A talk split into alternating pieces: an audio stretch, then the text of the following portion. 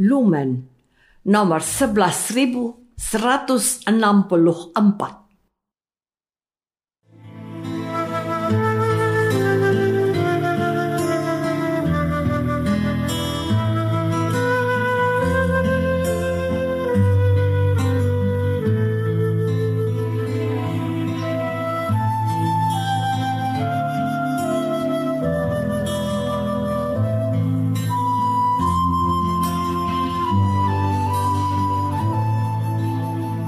Saudara pendengar di segenap penjuru tanah air, selamat bergabung dengan Lumen Indonesia. Lumen Indonesia siap melayani Anda setiap hari. Saudara terkasih, marilah kita bersatu dalam Tuhan kita Yesus Kristus yang tidak berubah dahulu, sekarang, dan selama-lamanya. Allah Sang Maha Rahim mengasihi dan menerima sebagaimana adanya kita Allah Bapa kita di surga senantiasa bersedia menolong, menghibur, dan meneguhkan kita dalam menghadapi segala permasalahan hidup sehari-hari.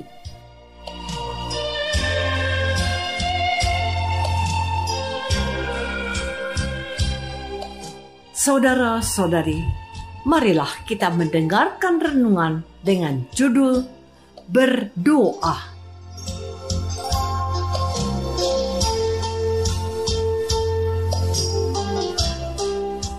Yang berdasarkan pada Injil Matius bab 6 ayat 7. Yesus bersabda, "Lagi pula dalam doamu itu janganlah kamu bertele-tele seperti kebiasaan orang yang tidak mengenal Allah. Mereka menyangka bahwa karena banyaknya kata-kata doanya akan dikabulkan."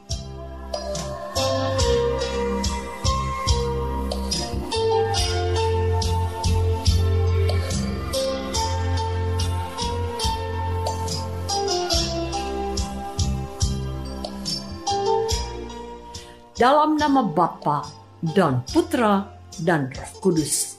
Amin. Saudara-saudari terkasih dalam nama Tuhan Yesus Kristus.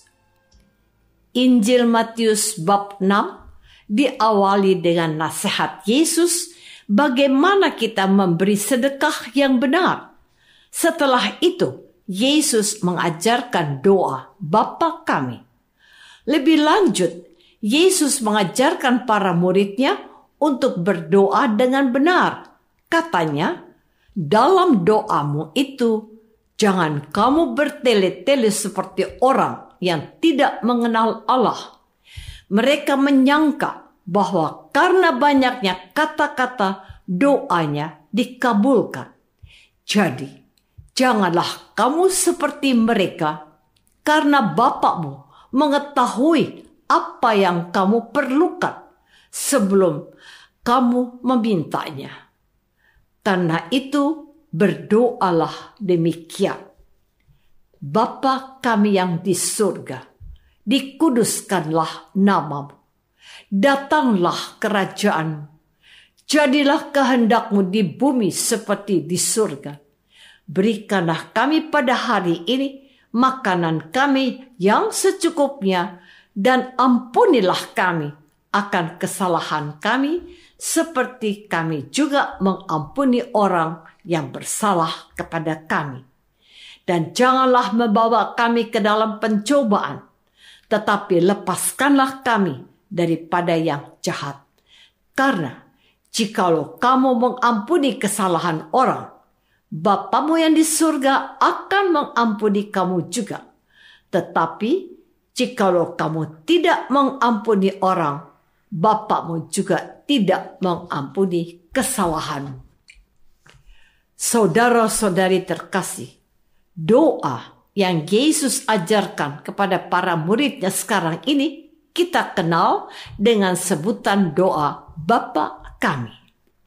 Doa Bapa kami merupakan doa pokok atau doa inti yang harus kita dihafal dan kita doakan setiap hari orang yang ingin dibaptis menjadi Katolik atau anak-anak yang mau menerima komuni pertama wajib mengetahui dan menghafal doa Bapa kami. Doa Bapa kami menjadi begitu penting karena doa ini merupakan satu-satunya doa yang diajarkan dan diberikan oleh Yesus kepada para muridnya.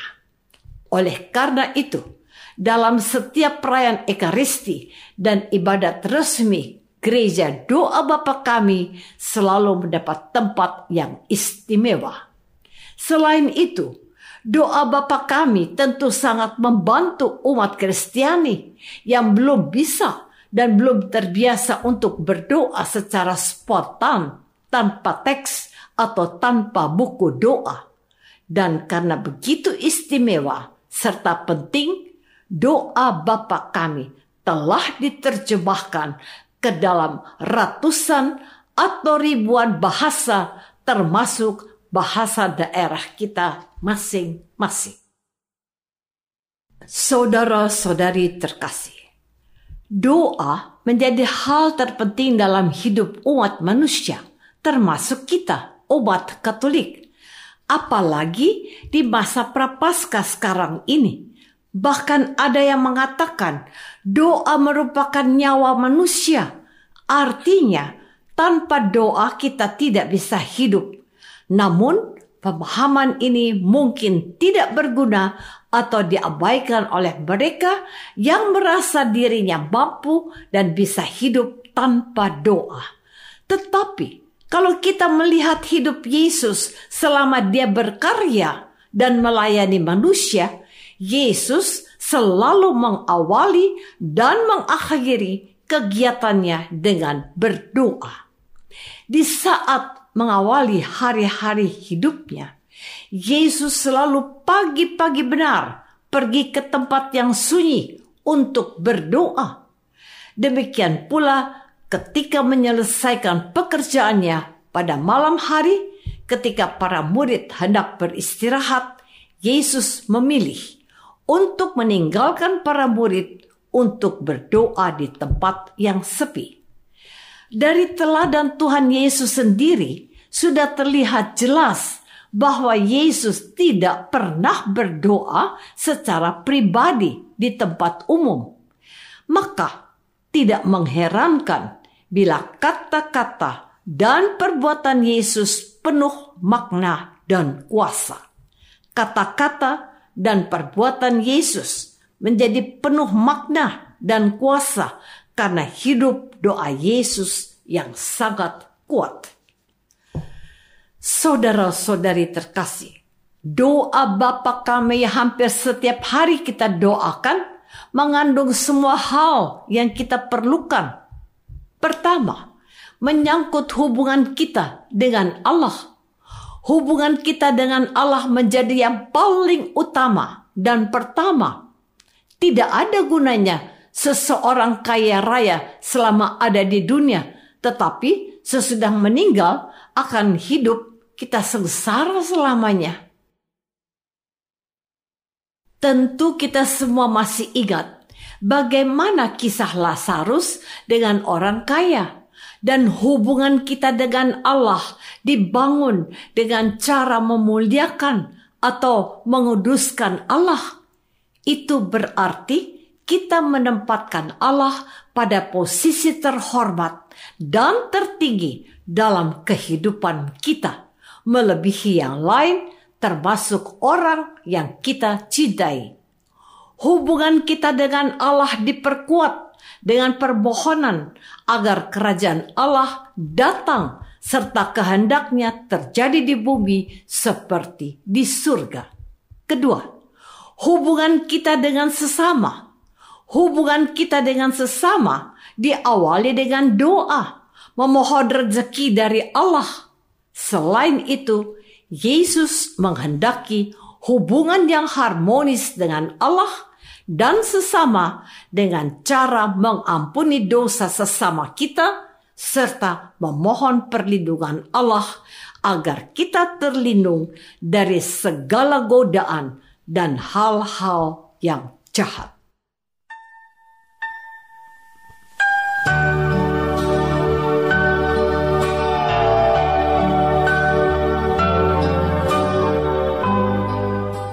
Saudara terkasih, marilah kita masuk dalam saat hening sejenak untuk meresapkan renungan yang baru saja kita dengar bersama dalam kehidupan iman kita masing-masing.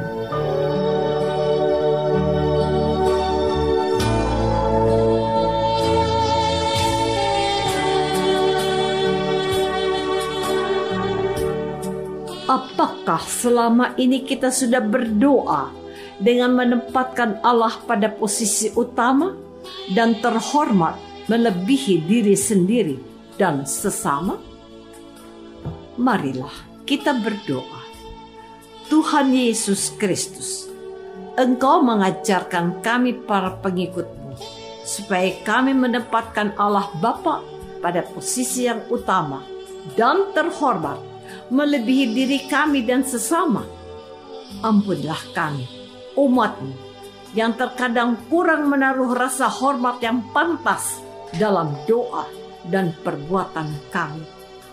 Doa ini kami persembahkan dalam namamu, Tuhan dan pengantara kami. Amin. Semoga kita semua selalu dinaungi dan dibimbing oleh berkat Allah yang Maha Kuasa, Bapa dan Putra dan Roh Kudus. Amin.